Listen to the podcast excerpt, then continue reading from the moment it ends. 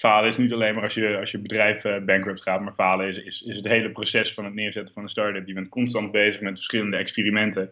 En iedere keer als er een experiment misgaat, zeg maar, nou, heb je weer wat geleerd en dan moet je weer een, een, volgende stap daarin nemen. Welkom bij aflevering nummer 13 van Ondernemerspassie. Mijn naam is Alex Leopo en zoals iedere week praat ik met inspirerende ondernemers. In deze aflevering praat ik met Wouter Laban. Hij gaat je alles vertellen over het testen van je ideeën. Ga naar www.ondernemerspassie.nl, aflevering nummer 13, voor de show notes. En wat staat daarin? Alle relevante linkjes die worden genoemd in deze uitzending. Dus mocht je luisteren in de auto of ben je aan het lopen, je hoeft niet meteen aantekeningen te maken. Absoluut niet nodig. Ga naar de show notes, daar vind je linkjes over alles wat we hebben besproken. Nou, we gaan van start. Welkom Wouter Laban. Dankjewel. Hey, leuk dat je hier bent. Je bent helemaal into de startups. Dat klopt. Al, uh, Startup Weekend 2015, juni komt er alweer aan. Ja. Hey, Wout, vertel eens waar je allemaal op dit moment mee bezig bent. Uh, nou, maar eigenlijk met, met twee dingen. Uh, vooral, het eerste is, uh, is Gibbon, ons, ons eigen bedrijfje, onze eigen start-up. En, en daarnaast inderdaad Startup Weekend, dat is een event waarin mensen eigenlijk in 54 uur met totaal onbekende ideeën gaan pitchen en in één weekend proberen een start-up neer te zetten. En dat is een geweldige ervaring. Um, en dat organiseer ik nu al voor het derde jaar in Amsterdam. En daar ben ik ook facilitator van. Dus dat betekent dat ik door heel Europa naar verschillende events ga om daar uh, nou ja, eigenlijk het, uh, het, verhaal een beetje aan elkaar uh, te praten en, en nou ja, mijn, mijn aanwezigheid daar te laten gelden. dus dat zijn de twee dingen die ik, die ik voornamelijk doe op dit moment. Gibbon.co, het is een playlist for learning. Ja. Het is een website in het Engels. Mm -hmm. Het gaat over leren. Wat, wat, houdt het allemaal ja, in? Ik zal even, even nou ja, zo kort mogelijk uh, uitleggen. Waar wij eigenlijk uh, tegenaan liepen was dat er enorm veel kennis op het, op het web online eigenlijk gewoon beschikbaar is. Gratis. Mensen die artikelen schrijven, testvideo's, YouTube, uh, noem het maar op. maar soms is het heel lastig om, om nou ja, echt iets, iets goeds te vinden. Zeg maar, de pareltjes tussen, tussen alle content die, die vrij beschikbaar is. En Google helpt daar natuurlijk ook niet echt bij met al zijn SEO dingen. Um, dus wij dachten, als wij nou de content die op het web beschikbaar is, uh, een soort van lijstjes kunnen gaan cureren. Uh, dan kunnen we daar hele waardevolle, soort van, ja, hele laagdrempelige online courses van maken. En dat hebben we eigenlijk op een soort van user-generated manier uh, in de wereld gezet, in een platform. Waarin iedereen die zich aanmeldt kan een, een, lijst aanmaken over een bepaald onderwerp. Bijvoorbeeld over user experience design of online marketing of uh, over startups of nou ja, noem maar op. Zo van alles kunnen zijn. En daar eigenlijk de beste artikelen en video's van het web in, in verzameld om, om aan anderen nou, te leren eigenlijk. Oké, okay, dus een soort Reddit dat de beste content naar boven gaat? Ja, nou ja, dus inderdaad, van de beste lijsten komen wel, uh, wel, steeds weer vaker uh, naar boven in onze, in onze library. Maar eigenlijk heeft iedereen eigenlijk een soort van ja, personal to read list, zou je het bijna kunnen zien, voor anderen. Dus op het moment als jij een, nou, niet zozeer een expert, maar zeg gewoon heel erg gepassioneerd bent over een bepaald onderwerp, vind je waarschijnlijk al, doe je waarschijnlijk al heel veel aan een soort van content curatie op een Twitter of een LinkedIn of een Facebook. En op Gibbon hebben we daar gewoon een nou, platform voor dat daar precies in past. En ik zag ook voor bedrijven. Ja, dat klopt. Dat is eigenlijk uh, iets waar we, waar we nog maar pas mee bezig zijn. Uh, en dat is uh, de Gimmon zijn we, denk ik, dat is nu anderhalf jaar geleden ongeveer gestart. Bijna twee al. En, en die online community die we hebben opgebouwd, dat groeide eigenlijk hartstikke goed en dat ging heel snel. En, ehm, maar daar was nooit, nooit eigenlijk geen geld zat daarin, omdat het altijd een, nou, open platform was. Iedereen kon het gratis doen. En we wouden daar niet echt een betaal- uh, of een model uh, in zoeken. En we kregen de afgelopen, nou ja, ongeveer een halfjaartje terug, weer steeds vaker de vraag eigenlijk vanuit bedrijven van, hey, jullie platform is heel gaaf, hoe je de manier waarop jullie kennis delen, dat zouden wij eigenlijk intern willen doen. Dus wij van, oh, nou ja, weet je, dat klinkt wel heel interessant, want dan zit er ook een verdienmodel achter. En uh, dus dat zijn we verder gaan onderzoeken van, ja, waar ligt dan precies het probleem en, uh, en, en hoe, hoe zou onze oplossing daarin in kunnen faciliteren. Nou, toen kwamen we er eigenlijk stap voor stap achter dat inderdaad heel veel bedrijven die delen heel veel kennis en zijn heel erg wel bezig met doorontwikkeling van hun personeel. Maar die hebben daar niet eigenlijk een, nou ja, goede tool voor die daarin uh, kan faciliteren. En, uh, en daar zijn we Gibbon dus nu naar, uh, naartoe aan het laten groeien eigenlijk. om, om dus inderdaad naast de B2C-kant een echte B2B-model neer te zetten. wat wat nou, kennisdeling in bedrijven faciliteert. En hoe ben je hierin terechtgekomen in uh? Ja, ik, uh, nou ja, mijn, mijn uh, reis van startups begon eigenlijk in Groningen, waar ik woonde toen de tijd. En daar heb ik toen een keertje meegedaan aan Startup Weekend. Dat waar voor mij een wereld voor me openging van wauw, dit is, dit, startups zijn heel cool en ondernemen is heel gaaf. Um, en toen ben ik daarna terechtgekomen bij Rockstart, een accelerator hier in Amsterdam. Um, in eerste instantie als stagiair. En, en daar kwam ik Gibbon tegen. En uh, nou, dat was eigenlijk gewoon een, een match made in heaven uh, dat ik daar bij het, bij het team kon aansluiten. Die jongens waren toen net begonnen aan een idee en dat was één designer en twee, twee programmeurs. En kon ik daar eigenlijk perfect bij aansluiten met mijn nou ja, marketing slash business slash communicatie slash community slash nou ja, eigenlijk alle andere dingetjes die erbij komen kijken. Dat kon ik, ik mooi oppakken. Dus toen ben ik op die manier bij, de, bij Gibbon terechtgekomen. Oké, dus eigenlijk vanuit, ze zaten in zo'n start-up weekend? Nee, ze zaten in de, in de accelerator van Rockstart. Niet, niet oh, sorry. Uh, het start-up weekend zelf, maar in, de, in het accelerator programma van Rockstart. En, uh, en toen ben ik daar eigenlijk uh, bij aangesloten. Oké, ik, ben, ik ben wel benieuwd, want je zegt nou, nu zelf, jullie zijn nu begonnen met een verdienmodel. Ja. Van wat was nu het idee van Gibbon dan? Want je gaat ergens aan de slag. Alleen zit nog geen verdienmodel achter. Ja, nee, dat, dat klopt. Ehm, dat is, ik bedoel, het, de potentie die wij zagen in, in dit platform uh, was natuurlijk globaal echt vanaf dag één. Van, op het moment dat we zoiets wouden bouwen, wisten we van oké, hier moeten we echt nou ja, honderden, duizenden miljoenen users voor gaan krijgen. Wil dit zeg maar zonder een, nou ja, een begin, uh, verdienmodel vanaf dag één uh, gaan werken. Um, en zo zijn we dus ook van start gegaan om dus inderdaad investeringen ook op te halen, funding, funding te vinden en te kijken hoe groot we deze, deze community eigenlijk zouden kunnen groeien. Um, nou ja, dat is uh, redelijk ambitieus. En, uh, maar goed, ja, je bent, er, je bent jong en je wil wat, zeg maar. Dus je gaat gewoon, uh, je gaat gewoon proberen. En wie niet waagt, wie niet wint. En dat gingen ze heel lang eigenlijk ook heel goed. En het gaat nog steeds heel goed met investeringen ophalen en dergelijke. alleen nou, toen kwam toch wel deze, deze kans eigenlijk om de hoek kijken om, om, om, een businessmodel eraan te, aan te hangen. Ja, en dat was wel, ja, dat was toch wel zo aantrekkelijk om toch ook wel die kant op te gaan. Oké, dus nu meer een duidelijke, duidelijke richting welke jullie opgaan. Ja, ja het is nu, voorlopig zijn we nu echt aan het, uh, de, open kant blijft gewoon altijd bestaan. En daar willen we natuurlijk, dus natuurlijk een enorme kans in, omdat we natuurlijk al heel veel gebruikers hebben, willen we daar eigenlijk een conversie op gaan pakken van de open kant naar de, naar de betaalde kant. Um, en dat, dat stelt ons nu natuurlijk in een hele unieke positie waarin nou ja, andere startups die nog niet zoveel gebruikers hebben, daar, dat misschien niet hebben. Um, en dat maakt het voor ons nu heel interessant om te kijken van oké, hoe, hoe kunnen we dit het beste, beste opschalen. Oké. Okay. Dus ik ben wel benieuwd naar dat, uh, die start-up weekend. Ja. Oh, je zegt ook van, ik ben er heel enthousiast over. En het is, uh, wat ik ook zie op de site, ik ben er zelf nog nooit geweest hoor, maar een uh, 54 uur event. Ja. Waar van allerlei moois gebeurt. Kan je ons meenemen in hoe dat in zijn werk ja. gaat? nou dat is, dat is inderdaad iets, iets heel moois. Dus in mijn, in mijn ogen en ik denk iedereen die daarmee heeft gedaan, die dat dat kan beamen. Het begint allemaal op, op vrijdagavond, waarin is, nou, de Amsterdam versie zijn er ongeveer 100 deelnemers bij elkaar komen, waar we um, nou, 30 developers, 30 designers en ongeveer 30, nou, 30 40, eh, ja, noemen we dan non-technical. Dat zijn meer mensen met een marketingachtergrond of een businessachtergrond of een, een, nou, een domein-expert, maar die niet echt iets kunnen bouwen. Um, en van die, van die 100 man pitcht ongeveer de helft. Iedereen die mag die, die, die, of iedereen die ja, wil pitchen, mag pitchen. Die pitchen een idee.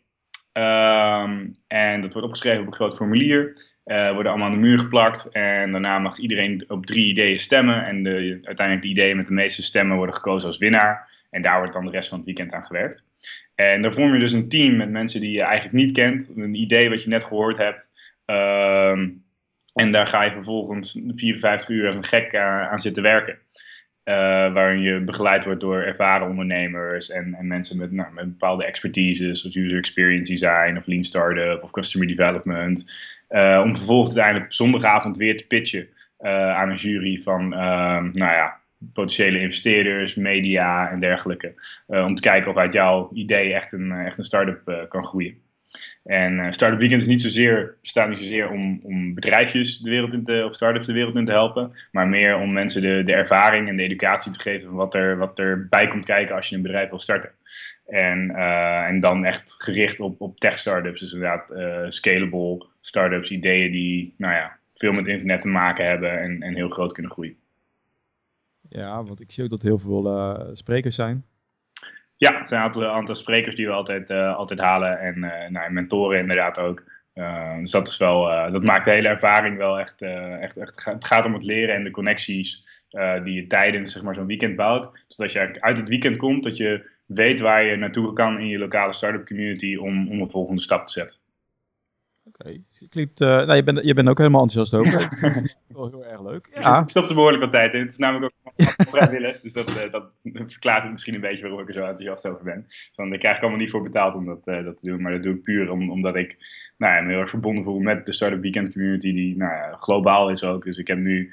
Ja, het heeft mij al zoveel gebracht met puur en alleen de connecties die ik er zelf uit kan halen. Dus dat is. en je creëert echt een super gaaf event, super gave ervaring voor heel veel mensen die nou ja, ik, nou, dus in mijn ogen weinig mooier is dan dat. Uh, je hebt mij in ieder geval enthousiast gemaakt. Het is al, de volgende is op 5 juni. Ja. Dat is bijna. Zijn er nog, uh, zijn er nog kaarten voor te krijgen? Of Helaas niet. We zijn al helemaal uitverkocht. Ah, jammer. Ja, sorry. maar we gaan er eind dit jaar gaan we er nog één doen. Uh, dus dat wordt waarschijnlijk of het eerste weekend van december of laatst in november. En uh, er zijn voor hetzelfde weekend in Groningen uh, dansen een event ook. Het eerste weekend van juni. En daar zijn nog wel kaarten voor beschikbaar. Dus als je Groningen wil, dan, dan kan dat nog. Ja. Oké. Okay, nou. Klinkt allemaal heel erg goed. En is, is het nou voor iedereen... Ja, dan heb je gewoon echt heel, heel veel geluk als je wordt uitgekozen. En dan heb je uh, een gigantisch team wat, uh, wat, wat, op jou, uh, wat aan je bedrijf werkt. Wat aan je bedrijf werkt. Nou, aan je idee werkt. Hè? Wil, ja, je... in ideeën zijn er allemaal nog niks waard. Dus in principe staat iedereen staat daar gewoon helemaal, helemaal gelijk in. En in, in, in, het algemeen geldt denk ik dat ongeveer 95% van alle startups faalt. En op een start-up weekend is het ongeveer 99%. Dus dat betekent nog helemaal niks, niks qua succes wat, je daar, wat je daaruit kan halen. En het is ook echt iets wat je samen doet. En niet zo van oké, ik heb nu vijf, zes man die, die aan mijn idee gaat werken. En dan neem ik vervolgens alles mee en laat ik die mensen achter. Van, je werkt er dan op dat moment samen aan. En daarna ga je van kijken van, nou ja, misschien gebeurt wel eens dat mensen inderdaad daar gewoon samen ineens co-founders worden. En dat er een aantal mensen zeggen, zeggen van, nou nee, ik hoef niet zozeer meer aan dit idee te werken. Ik vond het leuk voor een weekend, maar ik uh, hoef me er niet verder aan te committen. En zo, ja, gebeuren er zijn honderdduizend verschillende uitkomsten die uit zo'n weekend komen. Maar zeg je nou 99% faalt? Ja. dat is niet echt, uh, het klinkt niet echt positief als ik dat zo hoor. Dat, nou ja, maar ja, is, ja dat, is, dat is misschien, uh, kijk, van falen leer je. En ik denk dat tot falen, en zeker, nou, het is misschien heel Amerikaans, maar in Europa doen we daar nog een beetje te weinig aan. En je moet een aantal keer falen, wil je een, een, een succesvolle start-up neerzetten. En uh, het komt ook gewoon, ja, niet ieder idee kan een start-up zijn. Ja, je kan er door op itereren tot je een, een businessmodel vindt. Uh, maar daar heb je niet altijd de, de resources voor.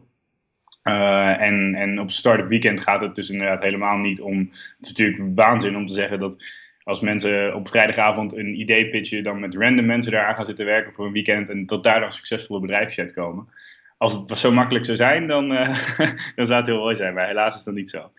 Ik had een beetje een kleine hoop eigenlijk. Tuurlijk, en het gebeurt hoor. Er, zijn bedrijfjes geweest die uit Startup Weekend komen, die, die nog steeds aan de gang zijn. Er zijn bedrijfjes die uh, in accelerators zijn gekomen. Ik heb laatst net, ik ben de naam vergeten, maar een bedrijf dat zelfs aan Facebook is verkocht, dat op Startup Weekend is begonnen. Dus het kan wel, maar het gaat, het gaat daar niet om. Het gaat om die leerervaring van hoe en wat en, en de connecties met de lokale, nou, het lokale start-up ecosysteem eigenlijk. Zodat je daarna de goede beslissingen kan maken om door te stappen.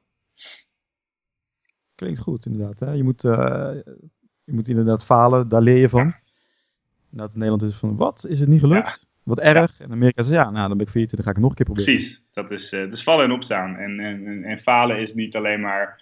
Uh, nou, je moet natuurlijk wel, wel, op een goede manier falen. Als je faalt en er niks van leert en niet erbij stilstaat en niet nou ja, naar de juiste hulp hebt gezocht, zeg maar, dan, ja, dan, dan is het verkeerd falen in die zin. Uh, maar zeker in, in dit soort uh, contexten, dan, dan leer je daar altijd wat van. En ik denk dat falen ook iets is van heel veel mensen die zien nou ja, het falen van een bedrijf, zeg maar, van nou ja, als het bedrijf stuk gaat of, of uh, de hoop moet opgeven. Alleen, ik merk zelf ook in mijn werk bij Given, wij falen, nou ja, wekelijks maken we, maken we fouten en, en, en moeten we, is het weer vallen en opstaan. Dus falen is niet alleen maar als je, als je bedrijf uh, bankrupt gaat, maar falen is, is, is het hele proces van het neerzetten van een start-up. Je bent constant bezig met verschillende experimenten. En iedere keer als er een experiment misgaat, zeg maar, nou, heb je weer wat geleerd en dan moet je weer een, een, een volgende stap daarin nemen. Ik vind het mooi dat je zelf over begint, want uh, hier bij Ondernemerspassie stel ik ook altijd de vraag van wat is nou je slechtste moment geweest? Uh, bedrijf of persoonlijk? Dan niet zomaar iets, maar echt het moment dat je dacht van hey, ik stop ermee. Of waar ben ik aan begonnen? Ja. En wat ook interessant is, is hoe ben je daar uitgekomen? Nou, ik denk dat uh, um, ja, het, slechtste moment was, uh, was, was ook, een, ook een heel goed moment, zeg maar. Van, ik vertelde net al van, nou, we hebben die switch gemaakt naar, naar, dat, naar die B2B kant. Ondanks dat het op zich best leuk liep met die, met die open, open kant van Given. Uh, maar op een gegeven moment zaten we ook best wel in een, nou ja, niet zo gunstige positie qua runway. En met investeringen ophalen, dat, dat, is, dat is altijd gewoon lastig. Het gaat niet 1, 2, 3 heel makkelijk. En uh, toen op een gegeven moment hebben we dus besloten van oké, gaan we deze, deze pivot nou maken of niet? Um, en dan beginnen we aan iets waar we nog niet zeker weten of het ooit het daglicht gaat zien. Omdat we, nou ja, dan moeten we wel uh, de juiste investeringen nog ophalen. Maar we moeten daar nu alvast aan gaan werken. Anders dan, uh, nou ja, dan, weet, dan, dan gaat het sowieso niet, niet gebeuren. En die manier van werken paste wel heel erg bij onze visie. En het verhaal klopte. En we zagen potentie. En we hadden interesse van, van een aantal klanten. Nog niet genoeg om, om daar je eigen broek mee omhoog te houden. Um, maar uiteindelijk is dat, nou, is dat wel op zijn pootjes terechtgekomen. En, uh, en, en hebben we, nou ja, gaan we eigenlijk, we gaan morgen gaan we de hele nieuwe versie lanceren eigenlijk. Dus dat is ook nog wel een groot moment. Uh, maar, maar die beslissing maken zo van, gaan we, gaan we dit doen? En, en hoe, hoe gaat dit in hemelsnaam in zijn werking als we, uh, nou ja, als we, hier aan beginnen? En, en is dit een goede beslissing of niet? Dat is echt een enorme berg waar je dan tegenop zit te kijken van, gaat dit lukken of gaat dit niet lukken? Uh, maar uiteindelijk ja, is het gewoon stapje voor stapje eraan beginnen. En met elkaar, uh, nou ja, gewoon als team moet je elkaar er dan een beetje doorheen slepen. En iedereen heeft daar wel eens een slecht moment in. Maar uh, nou, dat lijkt nu allemaal weer, weer een stukje beter te gaan. ah, dus je bent even net door een dal gegaan zelfs. Ja, ja we zijn eigenlijk nu weer on the way up, zeg maar. En, en dat, is, dat is een goed gevoel. Dus we beginnen nu steeds weer meer klanten te komen die langer bij ons blijven. En dat is, dat is mooi. En dat heeft gewoon te maken, ja, die, het product had gewoon een bepaalde optimalisatieslag nodig om het voor bedrijven heel goed te maken. En, nou, en dat, dat punt zijn we nu, nu eigenlijk wel terechtgekomen. En, wat, wat, maakt, wat maakt nou dat je doorgaat? Hè? Dat je niet denkt van, hmm, misschien is dit toch niet zo'n goed project. Ja, je bent, je bent ondernemer of niet en je gelooft in je idee of, niet. En, en wij geloven hier allemaal in en er is niks liever wat we doen dan... Ja, je hebt, je hebt gewoon een bepaalde drive van oké, dit moet, dit, dit, dit moet kunnen werken, we moeten hier door kunnen gaan. En die gaat niet zomaar opgeven als eventjes uh, when the chips are down, zeg maar. Want dat is gewoon, uh, ja, dat, dat, ja, ik weet. Het zit in je en als je ergens in gelooft, dan, dan ga je daarin verder. En hoe weet je nou dat, je, dat het niet een uh, trek aan een dood paard is? Dan ben ik wel altijd benieuwd. Ja. Hoe weet je nou dat, dat je nu niet heel lang bezig bent met iets wat toch niet gaat werken? Ja, dat, dat is natuurlijk altijd een lastig ding en dan moet je ook wel, wel heel realistisch in zijn. Van oké, wanneer is, is iets een dood paard en, en wanneer niet? Ik denk dat het met twee dingen te maken heeft. Eentje is in mijn ogen heel belangrijk en dat is gewoon een, een stuk visie. Uh, waarin ze van geloof ik nog steeds waar ik mee bezig ben? Of ben ik nu zo zeg maar, door aan het itereren op mijn businessmodel en op mijn product dat ik eigenlijk iets aan het bouwen ben wat, wat ik eigenlijk helemaal niet meer wil bouwen? Ja, dat heel belangrijk is. En het tweede is gewoon, ja, uh, keep the needle moving. Zolang je dingen kan doen, zeg maar, die, die groot genoeg veranderingen brengen, dat er altijd iets in, in de needle gebeurt, zeg maar, qua activiteit. Dan ben je nog bezig om, om met, met de juiste iteraties. Maar wanneer die altijd, zeg maar, gewoon, ja, als je in één rechte lijn, zeg maar, gewoon blijft doorgaan, ja, dan, dan ben je aan het trekken aan een dood paard. Maar wij zagen met, nou ja, weet je, we deden op de, de, de huidige versie dan genoeg experimenten om te kijken van, hé, hey, gaan mensen hier iets mee doen? En dan iedere keer kwamen er weer kleine stukjes, nou, extra engagement terug en kregen we weer goede feedback. En nou, dan, dan ben je wel, heb je wel het gevoel van, oké, we, we, zijn ergens aan het werken wat, wat, wat potentie heeft. En dan ga je door. Ja, want, we hadden het, um, net ook over, die experimentjes die, je dus, uh, die jullie dus... Uh, voeren. Ja. Hoe moet ik dat zien? Hè? Uh, iedere keer weer iets nieuws en dat je dan kijkt van nou, wat is de feedback van de klanten? Ja, nou, eigenlijk is gewoon uh, een stuk, uh, weet je, het kunnen hele kleine dingen zijn als in um, gewoon je value proposition testen, zeg maar. Dus gewoon andere, andere headlines of taglines ergens neerzetten, kijken of die een betere conversie brengen, of die een betere activatie en retentie opleveren. tot veel grotere dingen waarin je gewoon echt een stuk customer development gaat doen, wat ik nou ja, een aantal maanden geleden eigenlijk heb gedaan. Uh, dat, dat, is gewoon letterlijk bij bedrijven langs gaan en niet, niet niks verkopen. Maar gewoon, hoi, mijn naam is Wout. Uh, ik ben heel erg geïnteresseerd hoe jullie nou ja, kennisdeling, learning and development en, en dat soort dingen allemaal in elkaar hebben zitten en hoe jullie bedrijven in elkaar werken. En dan ga je gewoon nou, zorgen dat je een half uur van iemand zijn tijd krijgt, waarin je zoveel mogelijk nou ja, gaat vragen eigenlijk over hoe, hoe iemand werkt om daar achter te komen van nou, past ons probleem daar, daar uh, of past onze oplossing enigszins op het probleem dat bedrijven hebben. Dat is een veel, veel groter experiment. Uh, maar heel veel gebeurt gewoon in de, in de applicatie zelf. En dat is uh, dingetjes veranderen, AB-testen, uh, feature switches. en iedere keer stel je dan gewoon een experiment op met een, met een kleine hypothese van, nou ja, wij verwachten dat als we dit veranderen, ehm, dat we meer X, Y en Z krijgen. En dan kijk je of dat, of dat waar is of niet. En zo probeer je erachter te komen of je nog iets, nou ja, wat je kan verbeteren aan je product eigenlijk.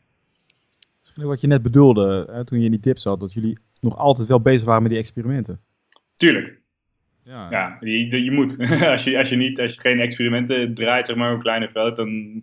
Dat is, dat is wat een start-up is. Het is gewoon een lijst met experimenten die je afwerkt om te zorgen dat je, dat je uiteindelijk bij een goede product market fit uitkomt. Dus dat betekent dat jouw product daadwerkelijk uh, gekocht gaat worden door, door klanten. En tot die tijd ben je nog niet, eigenlijk nog niet echt een bedrijfje, want dan ben je gewoon nog op zoek naar iets wat, wat je nog niet weet wat het is eigenlijk. Trying to find the unknowns unknowns. So, wat, vind je, wat vind je van die mensen die al een idee hebben en zeggen, dit wordt het? En die gaan er vol in. Ja, nou ja, goed, dat is, uh, dat is hartstikke mooi, maar ja, dat, uh, dat is ook heel naïef. Ehm, als je zegt van, oké, en dat, dan heb je, hebben ze waarschijnlijk hun eigen research ook niet goed genoeg gedaan. Van als jij zegt, oké, ik ga nu zes maanden aan dit idee bouwen en dan lanceer ik het en dan, uh, dan gaat het allemaal goed komen. Nou, dat is natuurlijk bijna niet te doen. Je, je begint met een, een problem-solution fit en dat is überhaupt onderzoeken van, hey, wat wij doen is dat, weet je, hoe past dat in het huidige gedrag van onze nou ja, customer segment, zeg maar, van wie verwachten we onze gebruikers van zijn, hoe gedragen die zich op dit moment, hoe gaan ze om met dit probleem, hoe lossen ze dit probleem op dit moment op en kunnen wij daar een, een, een oplossing voor vinden die daar uh, nou ja, beter, goedkoper, uh, makkelijker is. En zo ga je stap voor stap, probeer je nou, vanuit een heel klein iets eigenlijk uh, je bedrijfje op te bouwen, je product op te bouwen. En dit kan best wel een eye-opener zijn voor heel veel uh, ondernemers die hiernaar luisteren op dit moment. Een beetje het, uh, het Lean Startup verhaal, als ja, ik het zo hoor. Ja, Lean Startup, Customer Development, Steve Blank. Uh, ja. Nou ja, dat is een beetje de Bijbel, om het zo maar te zeggen. en dat is ook wel iets waar ik erg enthousiast van over ben en me erg in verdiep ook wel. Dus ik geef er ook wel eens workshops in en dergelijke. Dus. Okay, echt de eye-opener voor mensen die denken, oh, ik dacht dat het toch anders was. Ja, ja precies. Dus. Het begint nooit met een, met een idee en dan jezelf zes maanden opsluiten om het, uh, uh, om het te lanceren. Het begint altijd gewoon talk to your users of talk to your potential users. En dan, uh, kom je al achter zoveel dingen. Als je met 15, 15 potentiële klanten praat, puur over het probleem dat jij gaat proberen op te lossen, daar leer je al zoveel van dat je originele idee alweer drie keer over de kop is gegaan. Heb je nu zelf wel eens een idee gehad wat, waar, wat, je, wat je dus zelf wel zo hebt, hebt aangepakt? Dus na zes maanden dat je dacht, ai, dit was het toch niet? Uh, nee, ik heb, ik heb nog niet uh, uh, een, een, een, ander bedrijf opgezet op die manier. Uh, dus daar, daar, kan ik, maar ik, ik, heb genoeg mensen gezien die het op die manier deden. Of genoeg verhalen gelezen, gezien die het op die manier deden en dat het gewoon niet werkt. En ik merk het bij ons ook hoor. Soms dan, dan, verdwalen wij ook wel in te lange nou ja, production cycles, zeg maar. Waar we niet meer goed naar onze, onze gebruikers luisteren. Want het, is niet dat je dan, oké, je doet één keer customer validation. En dan ga je bouwen en dan is het klaar en dan is het goed. Nee, dat, dat, dat, blijft, dat proces blijft maar doorgaan. Dat is met iedere feature die wij ook bouwen. Um, moeten we eerst wel weer gaan kijken van nou, of we in data bewijs kunnen vinden dat deze feature nodig is. Of in customer feedback of in dergelijke. Voordat we dat ding daadwerkelijk gaan bouwen. Want anders dan kun je zo, zo snel genoeg weer uh, te veel tijd besteden aan iets wat helemaal niet nuttig is. En dat, die fout hebben we wel een aantal keer gemaakt met Gibbon. Dat we aan dingen zaten te werken waar, waar aan de, de verkeerde problemen aan het oplossen waren eigenlijk. Ja, ja, ja. En hoe, uh, hoe komen jullie erachter dat, dat het het verkeerde probleem is? Nou, dat zie je als de, als de, if the needle stops moving, zeg maar. dus als je, als je ziet dat de verandering je brengt niet, niet, uh, geen beter, betere activiteit of slechtere activiteit op laten leveren, dan weet je van oké, dit nu zijn we niet het juiste probleem aan op aan het oplossen. En uh, dat was inderdaad denk ik ergens, nou ja, een maandje of acht, negen geleden. Dat we op een gegeven moment waren we hele snelle design sprints aan het doen eigenlijk om steeds weer nieuwe features te shippen. Maar er veranderde eigenlijk maar heel weinig.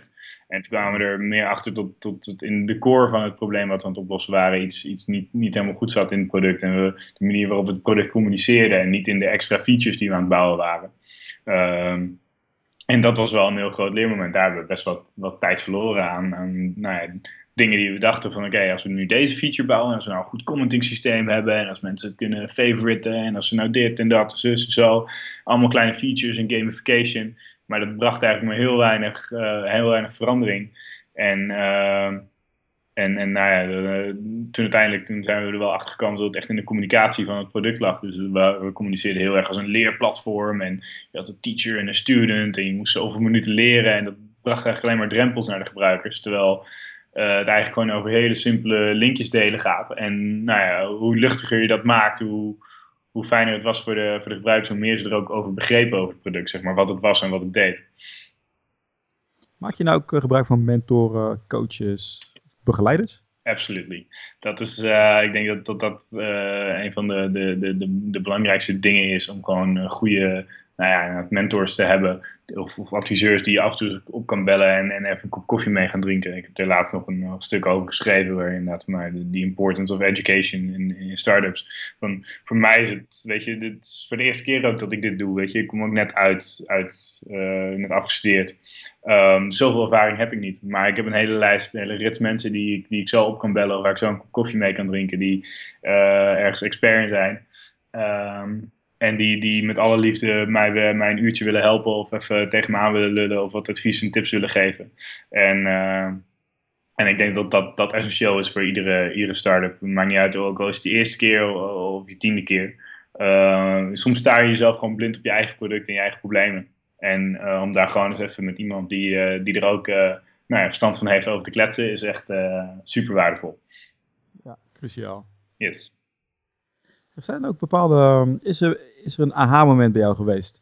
Uh, waarbij je wist van hé, hey, nu ga ik de goede kant op? Ja, ik denk dat dat uh, eigenlijk een beetje na die, uh, nou, die periode waar ik eigenlijk net over vertelde, met die, dat we inderdaad heel veel sprints aan het doen waren met nieuwe features en dergelijke. En toen hebben we op een gegeven moment, uh, het was allemaal zo zaten van ja, waar, waar, ligt het nou aan? Toen hebben we, um, wat we gedoopt hebben als de User Research Borrel gehouden. Waar we een man of 25, 30 uh, fysiek naar ons kantoor hebben gebracht. Uh, met een biertje en een pizza. En uh, nou, daar hebben we allemaal een soort van user ja, in, interviews mee gehouden.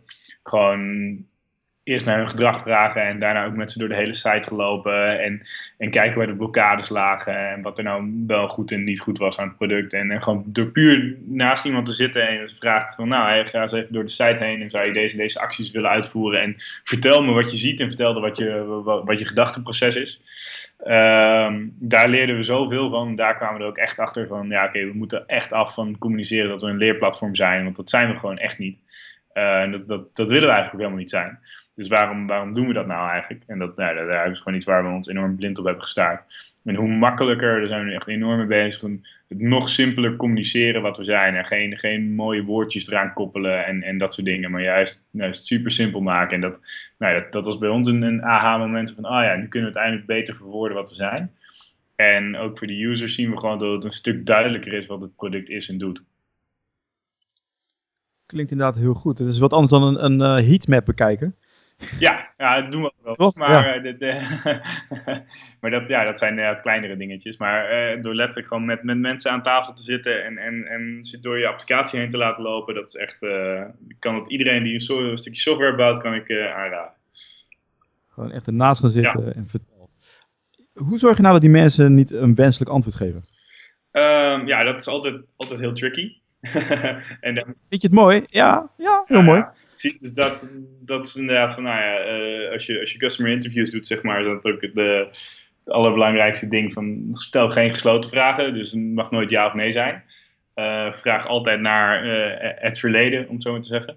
Van, dus niet zo van, uh, nou ja, en als je dan bijvoorbeeld dingen vraagt, nou, wanneer heb je Gibbon voor het laatst, uh, laatst gebruikt? Oh ja, ja, ja, uh, anderhalve week terug en ik gebruik het drie keer in de maand en bla bla bla. Oh, oké. Nou, en dan zo van, maar ga dan daarop door, zo van, oké, maar waarvoor heb je het dan gebruikt? Leg me dat nog eens uit. Weet je nog wat je deed de laatste keer dat je erop zat? En dus altijd nou, naar, naar het verleden vragen, naar frequency en details. Uh, en en niet, niet in de toekomst gaan vragen, want mensen kunnen hun gedrag niet voorspellen. En, uh, en ja, wegblijven van dingen van ja, vind je het mooi of uh, vind je het goed werken? Of, want dan, dan ja, gaan mensen überhaupt een, natuurlijk altijd een, een, wenselijk antwoord geven. Van ja, tuurlijk vind ik het wel mooi, want ik wil niet tegen jou zeggen dat je een lelijk product hebt te maken. Maar of het product mooi is of niet, dat heeft er eigenlijk nergens mee te maken. Uh, is helemaal niet belangrijk. Het moet goed werken. Het moet duidelijk zijn. Ja, dat niet alleen, maar ook wat je net zei, van uh, mensen kunnen verdrag, of, uh, gedrag heel moeilijk voorspellen. Die kunnen denken van, ja nee, uh, als het dat en dat is, dan koop ik het. Precies, en dat is hetzelfde met, ja. met feature requests. Ik bedoel, we krijgen nou, iedere dag wel feature requests van mensen van, oh ja, je moet dit en dit hebben, dit en dit hebben. Ja, het is allemaal leuk en aardig, maar op het moment dat wij, hoe wij het doen, zeg maar, we, we houden niet eens bij hoeveel... Um, wat, wat mensen voor features requesten, zeg maar. Van het, het, hetgene wat we echt heel vaak horen, dat weet je toch wel. Je weet toch wel wat er bovenaan het lijstje komt te staan, want dat hoor je bijna iedere dag. En dan gaan we is, er is rustig over nakijken, oké, wat zou deze feature oplossen? Is dat essentieel voor het product of is dat een nice to have? En is een ander, andere feature of een optimalisatie van een bepaald stukje van de bestaande software veel belangrijker? Ehm, en dan gaan we pas beslissen om, uh, om iets te bouwen. Dus uh, luister naar je users, absoluut. Maar uh, luister niet te veel naar feature requests. Want dat is, soms voegen die namelijk helemaal niet veel toe. Het klinkt alsof jullie die weg al een keer zijn opgegaan. Nou, wel een beetje. Wel een beetje. Je, je, je staat je. Ja, het is, het is gewoon. Uh, als je iets twintig keer hoort, dan denk je van. Ja, nou, nu moeten we het hebben. Maar ja, dan, dan spendeer je er twee weken aan. En dan is het een, een leuke feature en dan werkt het wel, maar lost het, weet je, brengt het je echt die stappen verder. En, en met de gelimiteerde tijd die je hebt als start-up is natuurlijk heel, is, is tijd een van de meest waardevolle dingen. En wil je werken aan de dingen die je echt naar, naar de volgende klant gaan brengen, zeg maar, in plaats van een, een kleine feature waar iedereen de 0,1% eh, de app meer gaat gebruiken. Ja. Hey Wout, hoe krijg jij nou zoveel voor elkaar? Heb je nog bepaalde rituelen bijvoorbeeld om te zorgen dat je inderdaad de goede dingen doet of, of je weet dat er, wat de goede dingen zijn. Ja. Of je doet is stap 2. um, ehm, nou, Krijg jij het allemaal voor elkaar? Ja. Nou, wij hebben, uh, ik denk dat leren is een van de, de allerbelangrijkste dingen. En dat hebben wij in ons team zeg maar ook echt er, er helemaal uh, ingebouwd. Waarop we op, op, vrijdag ook heel veel tijd nemen om, om voor onszelf te leren en dingen te onderzoeken. En, en alles wel wat, wat met uh, zeg maar de business te maken heeft. Uh, maar echt ook voor, voor eigen doorontwikkeling, omdat we heel veel dingen weten we gewoon nog niet. En, uh, en, en dat is dus wel een, nou ja, iets, iets wat denk ik in ieder bedrijf heel belangrijk zou moeten zijn. Hè? Ik bedoel, ieder bedrijf zou Gibbon natuurlijk moeten gebruiken. Maar, uh, dat mag het een paar keer zeggen. en, Geen probleem. En um, dus ik denk dat, dat dat wel, wel een, een, een voor ons een, een soort van succesfactor is. Dat we allemaal heel erg bewust bezig zijn met dat we meer onszelf door moeten blijven ontwikkelen om Gibbon tot een succesvol bedrijf te bouwen. Omdat we een aantal skills, nou ja, die, die beheersen we echt en daar zijn we echt een soort van experts in. Maar er zijn ook een aantal dingen waar wij echt absoluut geen expert in zijn en, en dat moet je dan zien te leren en dat moet je zien, zien op te lossen. Dus ik denk dat dat een, uh, ja, wel, een van de core dingen is die ik iedereen zou kunnen aanraden. Maar uh, wat, wat zeker bij ons een, uh, een heel fijn gevoel geeft, zeg maar. Ja, en die vrijdag gebruiken jullie eigenlijk om een beetje de boven te hangen. Ja, ja, dan ben je gewoon bezig kijken van oké, waar staan we nu en wat, waar sta ik? En wat, eh, wat, weet je, waar moet ik over twee, drie maanden zijn? En nou, laten we me daar dan eens mee bezig gaan houden. En dat kan zijn dat ik dan zeg van oké, ik ga vrijdagmiddag even met iemand koffie drinken die daar heel veel over weet. Of ik duik een boek in, of ik duik uh, Gibbon in om iets, uh, iets van kennis te vinden. Of voor onze nou ja, programmeurs of designers kan het zijn van oké, ik ga even een nieuw, nieuw stukje engineering leren. Of voor mij kan het zijn van oké, ik ga me helemaal verdiepen in, in, in startup metrics. Nou, dat soort dingetjes. Dat is, dat is essentieel. Hele goede. Ik denk dat heel veel bedrijven dat dus niet doen. En die zitten constant in... Uh, ja. Ja, die worden overrompeld door de werkzaamheid. Ja, Waar van de dag. Was er maar een tool uh, die, eh, die ze daarbij kan helpen. Vertel. ja. Nee. Gibbon. Ja, precies.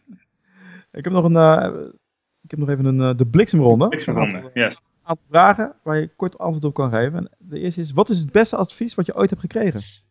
Um, het beste advies dat ik ooit heb gekregen? Ja, het is wel een, eh, een leuke. Dat is uh, uh, mijn. Uh, ik basketbalde vroeger heel veel. En ik had op een gegeven moment een basketbalcoach. En die, die hield ons wel van ons flink te laten rennen, om het zo maar te zeggen. En ons een beetje af te matten. En nou, er was een training een keer waar, die, nou, waar wij echt allemaal een beetje nou, met onze tong op de, over de vloer rondliepen en niet meer konden. En toen riep hij iets als ehm, als er nu een gek met een bel achter jullie aankwam, dan zou je nog echt nog wel uh, kunnen rennen. En uh, dus, dus geen excuus om, uh, om nu te stoppen en je moet gewoon doorrennen. En uh, op een of andere manier is dat altijd in mijn hoofd blijven hangen.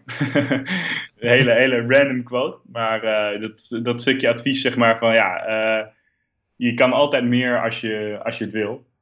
En het is gewoon mentaal in je hoofd. En als je even, even er niet meer beetje doorheen zit, dan ja, gewoon, gewoon doorknallen. En, en je kan altijd meer. En dat, ja, op een of andere manier is dat een stukje advies dat bij mij echt de knop om heeft gezet. Dat ik nu altijd zeg, ja, fuck it, we gaan door leuk zo'n coach die zoveel impact maakt op ja, ja, zeker. Ja, heel gaaf. Nee, vandaar ook mijn vragen. zeg, zijn, is er nog, uh, zijn er nog programma's of bepaalde software behalve Gibbon. Uh, eigen platform. Wat je aan wil bevelen, wat jij gebruikt waarvan je denkt uh, voor ondernemers of mensen die willen gaan ondernemen. Of gewoon, dit is echt super handig. nou ja, Slack, de, de chat tool, inmiddels denk ik voor veel mensen wel bekend. Uh, voor mij dus niet. Oké, nou, Slack, Slack is um, ja, eigenlijk nou, heel simpel. Een tagline is: It kills email. En dat doet het ook echt. Het is een communicatietool die, uh, die voor je team of voor je, voor, je, voor je werk kan gebruiken. Waarin je verschillende kanalen hebt waarin je met elkaar kan chatten. En het klinkt heel, heel simpel. En van, waarom werkt dit zo goed? Maar ja, je moet het gewoon proberen. En ik denk, ik geloof, er zijn ook statistieken over dat je echt gewoon 40% minder e-mail verstuurt. En, en echt je teamcommunicatie is er echt, echt zoveel beter voor. Ik denk dat iedere start-up in de wereld inmiddels Slack al gebruikt. Um, dus dat is iets waar, uh, denk ik, heel veel bedrijven nog heel veel uh, in kunnen winnen. Dus ik denk dat dat, uh, dat zou mijn nummer één tip zijn. En een andere wat wij veel gebruiken is Trello. Uh, maar wat we ook gebruiken is gewoon echt een, een, offline whiteboard waar we onze product development op, op hebben. Waar we gewoon lekker met post-its en stiften nou ja, onze to-do's neerzetten. En dat werkt in, in, een klein team toch ook wel heel fijn als je echt iets gewoon visueel maakt in plaats van dat je alles in, in software terugzoekt. Voor de mensen die het niet weten, wat is Trello? Trello, Trello is een, een ja, soort van project management tool waarin je eigenlijk kaartjes kan maken, uh, wat een soort to-do zijn. En die kun je dan van één lijstje naar het volgende lijstje slepen. Uh, nou, als je ermee bezig bent en nou, wie er mee bezig is. Je kan taken aan mensen assignen, zeg maar. Je kan er comments in achterlaten, plaatjes bijzetten. Ehm, nou, het is gewoon iets wat je, wat je heel duidelijk overzicht geeft als je, als je aan een project werkt van wie waar mee bezig is en wat de volgende prioriteiten zijn. Oké, aanbeveling dus. Yes. Is er nog een bepaald boek wat jou wil aanbevelen? Um, ja, een van mijn favoriete boeken is um, Tribes van uh, Seth Godin. Uh, ik denk dat dat gewoon heel goed weergeeft hoe uh, mensen tegenwoordig denken en, en, en, zich voortbewegen in, in communities. En wat je ook als bedrijf, maar ook nou ja, je, hoe je, als je een community-driven bedrijf hebt, zeg maar, men, andere mensen kan inzetten om om, om, een volgende stap te nemen. En ook hoe je gewoon met je, met je mensen in je, uh, in het dagelijks leven omgaat. En dat vind ik wel een, was voor mij wel echt een heel, heel fijn boek wat heel veel antwoorden gaf. En een andere, als ik er nog eentje mag zeggen, is Maverick van, oh, dan ben ik zijn naam vergeten. Ricardo Semler. En dat gaat meer over gewoon de visie waar ik in geloof over hoe alle bedrijven over nou ja, binnen nu een tien jaar moeten werken, willen ze nog succesvol zijn. Uh, dus. Nu moet je toch wel even vertellen wat het dan ja. is. dan trek je weer een, oh.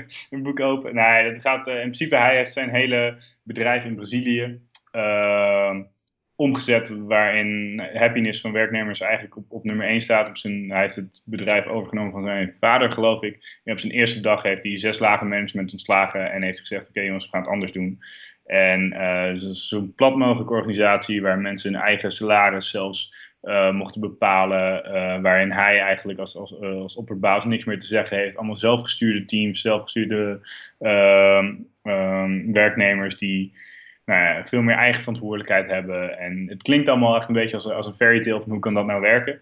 Maar hij heeft het gedaan. En dat is dus inderdaad wat hij heeft. zijn allemaal fabrieken. Dus het is echt heel erg nou ja, operationeel werk, zeg maar. En, en het werkt als een trein. En die man is super succesvol. En, en zijn verhaal, nou, je moet het maar gaan lezen. Dat, dat is denk ik voor iedere ondernemer die wil zo'n bedrijf hebben. Ah, het klinkt goed. Uh, doe me ook denken aan het boek uh, Drive van Daniel Pink. Ken je die? Ja, ik ken hem wel, maar ik heb hem nooit echt gelezen.